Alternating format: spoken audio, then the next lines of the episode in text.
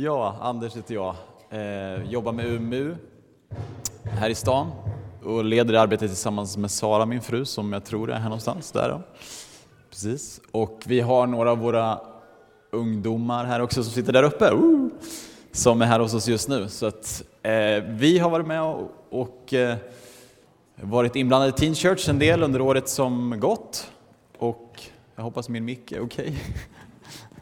Eh, och jag tycker det har varit jättekul att få vara med och bidra och också få tillbaka mycket från tonåringarna och ledarna och så här. Så det är jättekul att vi har fått, fått upp den här relationen och samarbetet och vi delar mycket av hjärtat. Så det är jättekul att få, få göra den här gudstjänsten tillsammans idag och de saker vi ska ha för oss idag också senare. Så det känns jättekul. Eh, och idag handlar det om kärlek, alla hjärtans dag. Så det känns extra kul att få, få prata om Guds kärlek idag. Så det är det vi ska prata om idag. Men vi ber så, så får vi försöka låta Gud tala. Herre, jag tackar dig för, för den här dagen, jag tackar dig för den här stunden. Och, eh, vi lägger den här stunden i dina händer nu. Helige Ande, vi ber att du kommer och talar till oss var och en. Gud, du vet att det är många saker som vi har svårt att förstå i oss själva, men som vi kan förstå med hjälp av dig, helige Ande. Helige Ande, du ska lära oss och visa oss hela sanningen och du ska lära oss allting och visa oss vem Gud är. Vi ber om uppenbarelse idag, att du får, eh, att du får bli verklig och synlig för oss idag Jesus. Eh, jag ber att det som talas nu och som, som tas emot får komma från dig Gud helt och hållet. I Jesu namn. Amen. Vi ska läsa från Markus evangeliet som är tema, tema för Teen Church nu i vår. Eh, det ska komma upp här på bilden, ja, precis. Från Markus eh, kapitel 3, vers 13 till 15. Jesus gick sedan upp på berget och kallade till sig dem som han hade utvalt, och de kom till honom. Han utsåg tolv som han kallade apostlar. De skulle vara hos honom, han skulle sända ut dem att predika och de skulle ha makt att driva ut onda andar. Eh, så det här blir lite nyckeltexten för oss idag. Och den grep så mycket tag i mig. Jag pratade med Acke här för ett par veckor sedan, eller när det var, eh, om den här söndagen och vi pratade och tittade på den här texten. Och det grep verkligen tag i mig. Och just speciellt de här raderna då, att de skulle vara hos honom och han skulle sända ut dem.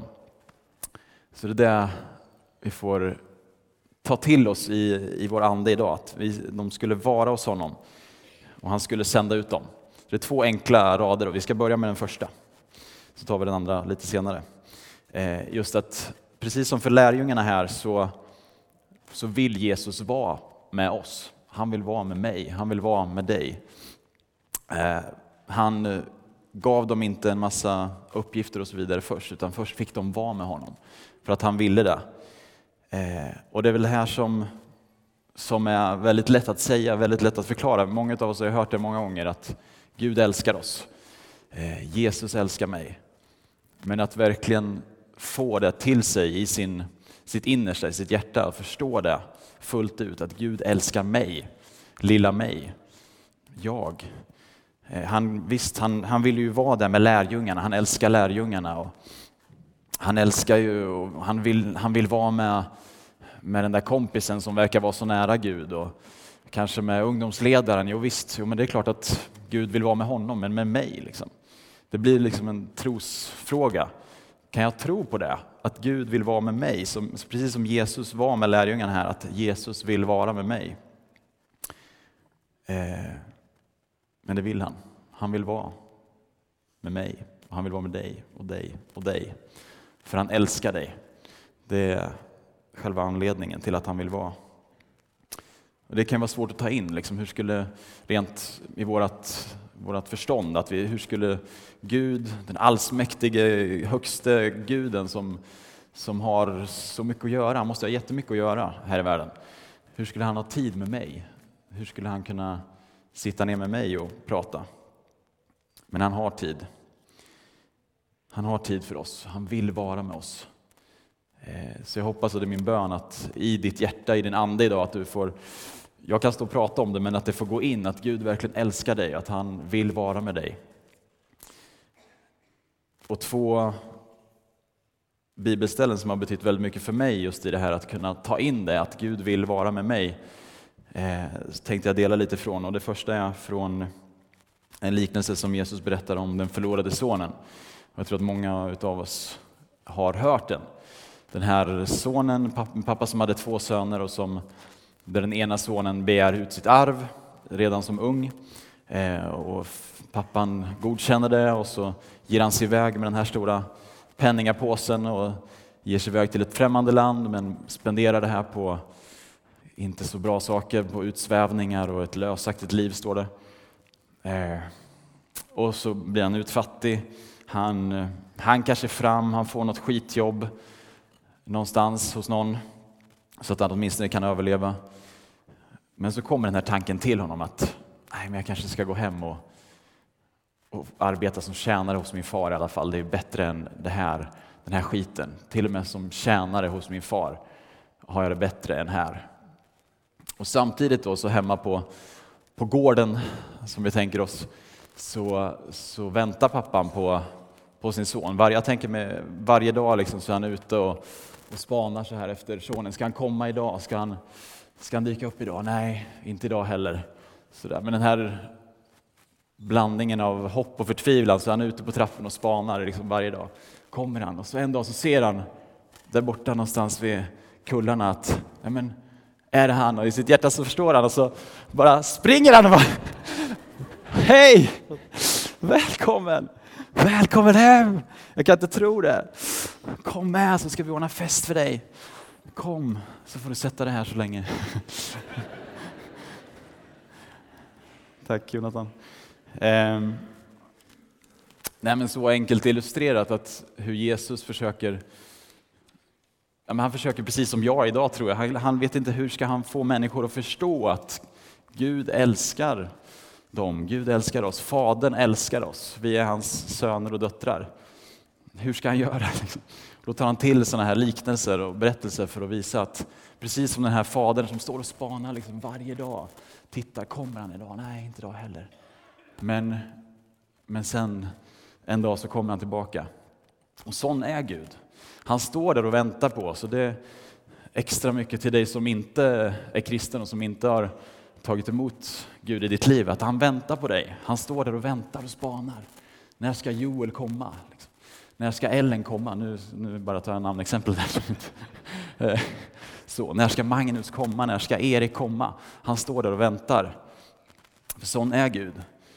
Och precis som den här förlorade sonen så, så gör vi det många gånger att vi vi fokuserar på de fel som vi har gjort, de brister som vi har och de misstag som vi har begått, de synder som vi har, har begått. Och vi tänker att Gud vill inte ha oss. Gud kommer inte ta emot oss. Hur skulle han kunna göra det? Ni har gjort så här mycket fel. Eh, och jag tror att vi gör det många gånger för att vi, det är så vi är vana att, att bli bemötta av människor. Att gör vi fel så då är vi inte välkomna längre. Vi är välkomna så länge vi gör rätt och vi sköter oss eh, men om vi gör fel så, så då, då kan det vara. Och det här är en jätteutmaning till oss som församling att få, få stå där och vänta och välkomna folk när de, när de vill komma och så att låta Guds nåd få, få beröra människor och få hela människor. Precis som den här sonen. Det var inte bara att han kom hem och ja, okej okay då, du får väl jobba här eller okej okay då, du får väl, får väl bo här. Utan det blev fest, liksom. det blev fest i himlen och det blev fest där på gården när han kom hem. Och så är det varje gång. Och han, han hade inte gjort lite fel, så att säga. Eh, så det, det är en bild som Jesus använder som är väldigt, väldigt stark. Och en annan historia som har betytt mycket för mig är från Johannes evangeliet eh, kapitel 21. I slutet, det sista kapitlet av Johannes evangelium så är ju allting klart, allting är färdigt. Jesus har predikat, han har helat och han har blivit eh, sviken och han har dött på korset och han har uppstått. Och mitt i allt det så blir lärjungarna förvirrade. De har varit med honom i tre år och så vidare, men de, de blir osäkra. Vad är det vi ska göra egentligen? Vad, vad händer nu? Så, där. så de ger sig upp då till sjön och Petrus säger att nej men jag, jag ger mig ut och fiskar. Något måste man ju göra ungefär. Och de andra säger ja, men vi hänger på. Och det är ofta så vi gör egentligen när vi, när vi är förvirrade, när vi inte vet vad vi ska göra. Så då gör vi det vi brukar göra, det vi, det vi är vana vid och det vi kan. Vi går tillbaka till det. Så det känner vi igen oss i. Eh, och de höll på att fiska där på natten, men det går inget bra. De får inte en enda fisk. De är ju fiskare, de kan ju det här, men till och med det, liksom, de förstod inte vad hela Jesus-grejen egentligen innebar. Eh, och så ska de åtminstone då ska de ge sig ut och fiska som de i alla fall kan. Men inte ens det går bra. Liksom. Så de känner sig ju helt misslyckade där. Eh, och så kommer det någon figur på stranden gåendes. Eh, ser dem från båten då, så ropar han till dem. Hur går det? Nej, inget bra, vi får ingen fisk alls. Men släng ut näten på andra sidan då. Okej, okay, vi kan ju lika gärna testa som att, som att fortsätta på samma sida. Så de över. Och så får de hur mycket fisk som helst. helst. Och så börjar de förstå att, eller se, jag vet inte, att det är Jesus. Det är Jesus där inne på stranden. Och Jesus har då börjat eh, fixa till en eld, eh, börjat grilla lite lite fisk och ligger lite bröd som han har dragit igång där. Och så kommer lärjungarna in. Eh, mina två assistenter här. Så kommer de in och så, så sitter de där. Och, ja, de är chockade och de vet inte vad de ska göra. Men, men mat tackar vi aldrig nej till. Vägen till mannens eh, hjärta går genom magen brukar man säga. Det, går ju, det stämmer nog för alla människor. Eh, så de, han har fixat lite grillat där med grillad fisk och bröd, nygräddat bröd där och ger dem att äta så här och sitter och småsnackar lite. Och, eh, och den här bilden tycker jag är så, så fin. och som, det har betytt så mycket för mig just att när Jesus har gjort allt det här och allting är färdigt så med våra tänkande så, så förväntar vi oss kanske att ja, men nu ska han komma och ge dem en massa order och han ska säga till att nu gör vi så här och så här. Nu ska vi bygga Guds rike. Du tar den delen, du tar den delen. Men nej, han är inte fokuserad på det. Utan Jesus fokus är att vara med dem, att bara sitta där och prata med dem och lyssna till dem. Och de, precis som oss, har ju tusen frågor om allting. Ja, eh, när de väl släpper den här ja, överraskningen och förvirringen så liksom, men Jesus, vart var du hela tiden då? Vart har du varit någonstans? Något som vi också frågar oss många gånger kanske. Men vart har du varit Gud? Jo, då får han förklara liksom att jo, men jag var ju där och där och det här hände och så vidare. Och, ja, men då, vad ska vi göra nu då? Liksom, vad händer nu? Ska vi bara fortsätta fiska eller? Nej, och så liksom, han tar sig tid och svarar och de äter vidare. Liksom. Och det är så det är för oss många gånger också. Liksom. Men vad ska jag göra nu Gud? Vad, vad händer nu? Liksom? Vad, vad är på gång? Liksom? Det är sådana frågor som vi hela tiden bär på. Och Jesus, han vill vara med oss. Han vill sitta där och prata med oss och lyssna till oss och ge de där svaren. Och, eh, Gud är gemenskap. Han vill först och främst ha gemenskap med oss. Han vill först och främst ha den här relationen med oss. Sen ger han ju oss också jättestora uppgifter om vi tänker oss personligen och som församling och som han gett till, till oss alla med att gå ut och göra alla folk till lärjungar. Det är inga små uppdrag utan det här är stora saker. Eh, men det är ändå inte hans första fokus utan det första och viktigaste är att han vill vara med oss. Han älskar oss. Och eh, så. så det, det är det som är hans innersta längtan.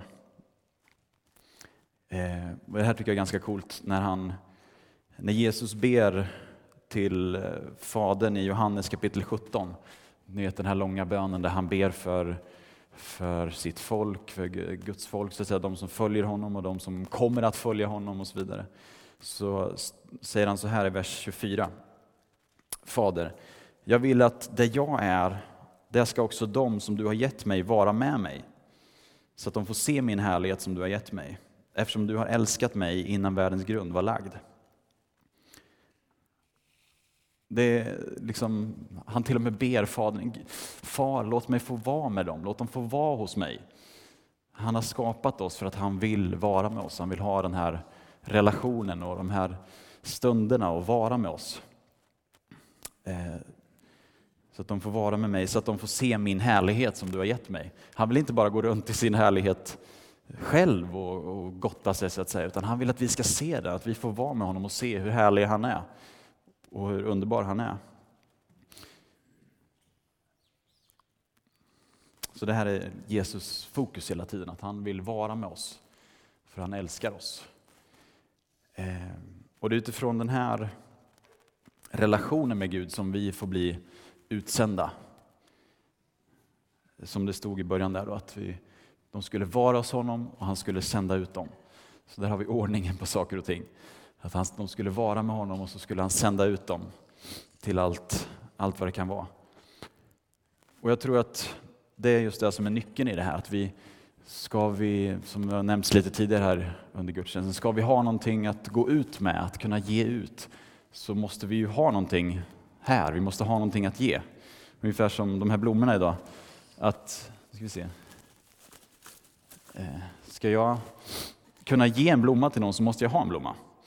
Det är en väldigt enkel princip som jag tror vi alla kan förstå. Eh, så vill jag ge en blomma till min fru exempelvis så, så måste jag ha en blomma att ge. Grattis på alla hjärtans dag.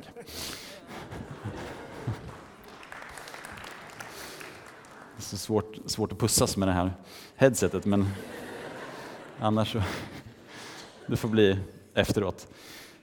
Ehm, så det, om ni förstår kopplingen då, att vi, om vi inte känner Gud själva, hur ska vi då kunna göra honom känd? Det här är ett, ett eh, motto som vi har i, i UMU.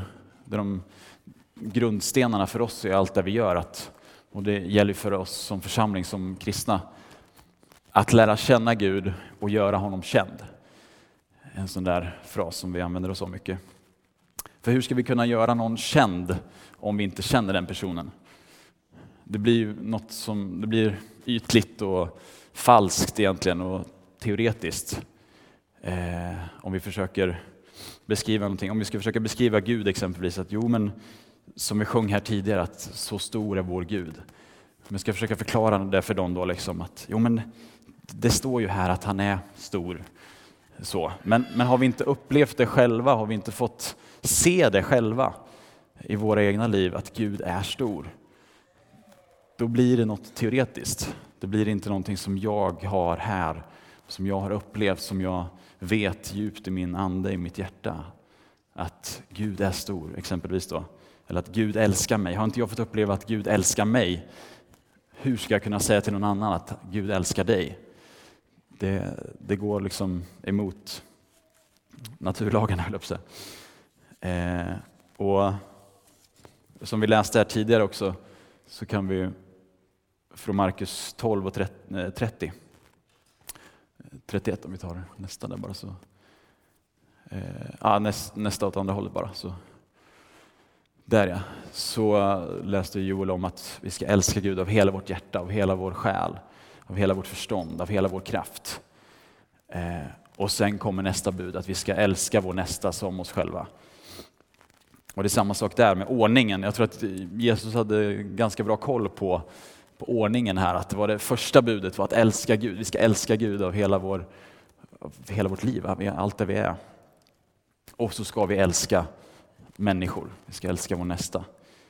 Eh, och det måste vara i den ordningen att vi, vi får uppleva och förstå Guds kärlek för oss. Och så får vi älska Gud tillbaka. Och sen kan vi börja flöda över, som vi också haft uppe här. Hur, hur ser det ut när kärlek flödar över till andra människor? Eh, så att, ja, det är en sak som ni får komma ihåg från den här gudstjänsten, att första budet först. Det ju, säger sig självt, men kom ihåg det, första budet först. Det får inte komma in i, i omvänd ordning. För då blir det någon form av humanism där vi gör saker för att eh, av eget hjärta så att säga, av egen utifrån egen, våra egna tankar, att vi vill hjälpa människor och så vidare. Det kan se bra ut på ytan men det, det är inte äkta från Guds hjärta. Det måste komma från Guds hjärta. För det är han som är kärlek. Det är därifrån kärleken kommer i grund och botten. Och jag har tänkt lite på det här just med, vi pratade innan med Aki och så här just överflödande kärlek som idag på alla hjärtans dag. Hur, hur ser det ut när kärlek flödar över? Och Eh, I Johannes 10.10 10 så, så, så, pratar Jesus om det här att han har kommit för att ge oss liv, liv i överflöd. Eh, men hur ser det ut när, vi, när våra liv flödar över? Liksom? Ja, det, det, det är en intressant tanke och det jag kom att tänka på när jag tänkte på det här med överflödande var när min, ibland så, eh, så vill min son Benjamin då när vi sitter och äter och så har vi en stor vattenkanna på, eller vattentillbringare på bordet, vill han ju pröva att hälla i sitt eget glas. Eh, och det måste ju få testa för att lära sig saker. Det går ju inte annars. Och då blir den för tung och så flödar det här vattnet ut, fyller glaset och sen ut över hela bordet och flödar in i alla mackor som ligger där och dränker in dem och ner på golvet och i kläderna och liksom hela familjen får byta kläder och, och sådär. Och det, så liksom just det här att det bara kontrolllöst, utan kontroll, bara flödar liksom. Jag tror att det är så Jesus menar på något sätt, att det, vi ska ha liv i överflöd. Det får bara liksom flöda ut och bara dränka in människor runt omkring oss. Ehm. Så, ja, det är utmaningen till oss blir ju just det att vi får titta på våra egna liv och se det. Lever jag ett sådant liv som flödar över? Ehm, och den utmaningen utan att förstå att Gud älskar oss och att Gud vill vara med oss, den blir tom. Liksom. Och då, då kan vi riskera att hamna i, i humanism, då, att vi gör det för att vara goda mot människor i allmänhet, eller att vi, vi gör det utifrån en, en order och vi, vi lyder bara order men vi känner inte den som ger orden. Och det tror jag inte är Guds vilja. Lite senare i Markus evangeliet i kapitel 4 så står det, eh, så ger Jesus en, en liknelse om Guds rike. Det är samma sak här, att han, han försöker förklara Guds rike. Vad är det för någonting? De tänker ofta på, och vi tänker väl ofta på ett, ett världsligt rike liksom med, med kung och styre på det sättet och län, äh, gränser och så vidare. Så han ger dem massa liknelser om vad Guds rike är. Eh, och så ger han dem liknelsen om senapskornet i Markus eh, 4, vers 30 till 32. Så säger han så att vad ska vi likna Guds rike vid? Eller vilken liknelse ska vi använda eh, för att beskriva det? Det är som ett senapskorn. Eh, när man sår det är det minst av alla frön på jorden, men när det har blivit sått växer det upp och blir större än alla köksväxter och får så stora grenar att himlens fåglar kan bygga bo i dess skugga. Och jag tror att det är en bra, bra bild av Guds rike. För Guds rike finns på insidan i våra liv. Det är ingenting som syns på det sättet i det yttre, utan det, det finns här inne och det är här inne det händer. Och det, precis som det här senapskornet så, så ser det inte så mycket ut för världen många gånger. Att det uppmärksammas inte i världen, i tidningarna och så vidare, eller av andra människor, utan det är obetydligt i, i världens ögon på många sätt. För att i världen så, så vill man se det här stora och ståtliga och pompösa och maffiga och självsäkra och egoistiska många gånger. Men det är inte det Jesus vill se, utan han vill se det här som, eh, som, som är litet i världens ögon, som är obetydligt i världens ögon. Som, eh, ja, som folk kanske inte lägger märke till på samma sätt. Och det här handlar ju förstås om att vi måste, eh, vi behöver ödmjuka oss och lägga ner våra liv, lägga våra frön, liksom våra liv inför Gud och eh, låta han jobba med det så kan det växa upp och bli ett fint träd där, där många människor kan få välsignelse i det här trädets skugga. Få, få bli välsignade av, av mitt liv. Men inte för att jag strävar efter det på det sättet utan för att Gud ger mig den här växten då när jag ödmjukar mig inför Gud och inför människor. Eh, och jag tror att det är så det, så det kan bli, att vi får bli till välsignelse för många. Att vi får ge skugga till många i den bemärkelsen, i den bilden. Om vi, om vi är med Jesus, om vi verkligen eh, har den här djupa förståelsen av att han älskar oss. Och han vill vara med oss, att, han, att Jesus vill vara med mig. Och då blir det förstås ett val också. Vill jag vara med honom? Och det vill jag skicka med er idag också. Vill, vill du vara med honom? Vill du vara med honom? Han vill vara med dig. Men vill du vara med honom? Eh, och det blir ju en tros, trosfråga. Kan jag tro på det? Kan jag tro att Jesus verkligen vill vara med mig? Och det är ett beslut som måste fattas här inne. Att ja, jag tror det. Han vill vara med mig. Trots att jag har gjort fel eller trots att det verkar som att han är långt borta ibland så tror jag att han vill vara med mig. Och så kan vi börja få uppleva det här mer och mer. Och samma sak med, med den andra delen där, att tro att han vill sända ut mig. Jo, men han sänder ju ut missionärer, de här Konlands eller Alfons, eller han sänder ut människor till viktiga roller här i Sverige, viktiga uppgifter. Men mig, nej, jag jobbar ju bara på Ericsson. Liksom. Det, det är väl inget speciellt, men han, han vill sända ut dig till att vara det här trädet som får ge skugga åt många människor och som får bli till välsignelse till många människor. Men det, det är också en trosfråga. Kan jag tro på det? Att Jesus vill sända ut mig, att han vill använda sig av mig. Så det är, det är de frågorna jag vill skicka med er idag. Och framförallt så, så är min bön som sagt att, att vi alla kan få, få förstå hur mycket Jesus längtar efter oss. Han längtar efter oss så mycket. I varje stund så längtar han efter oss och vill vara med oss. Eh, och som sagt, jag kan stå här och, och, prata om det och säga det. Och jag tror att det hjälper, för det kan gå in i våran ande. Med våran ande så kan vi få det uppenbarat för oss. Eh, men sen handlar det om att vi, vi får vara med honom i vilket sammanhang som helst. När vi är själva hemma på rummet eller ute på stan eller eh, på Teen Street eller var som helst. Att vi får vara med honom. Så vi ska ta lite tid med, med lovsång där vi får, får tänka mer på det här och, och vara med honom. Eh, och då vill jag bara uppmuntra dig också att om du känner det, att men jag vill verkligen vara med honom. Jag vill det. Kom fram eh, och hit fram så kan vi be med dig och be för dig. Eh, och så kommer vi ha lite mer tid efter lovsången också när Aki instruerar i hur vi ska be tillsammans och så. Så nu blir det en stund där vi får vara inför Gud och vara med Gud. Eh, så ta den chansen. Så blir det bra. Jag tackar dig Gud för att du vill vara med oss. Herre, jag tackar dig personligen att du vill vara med mig. Jag förtjänar inte det på många sätt. Jag, jag har gjort en massa saker och Eh, det är många gånger som jag inte, inte ens vill vara med dig för att jag är så självupptagen och så här. Men Herre, jag tackar dig för att du vill vara med mig. Jag tackar dig för att du vill vara med, med var och en här inne. Jag tackar dig för att du älskar var och en så otroligt mycket. Varenda liten cell, varenda liten del av varje persons liv älskar du.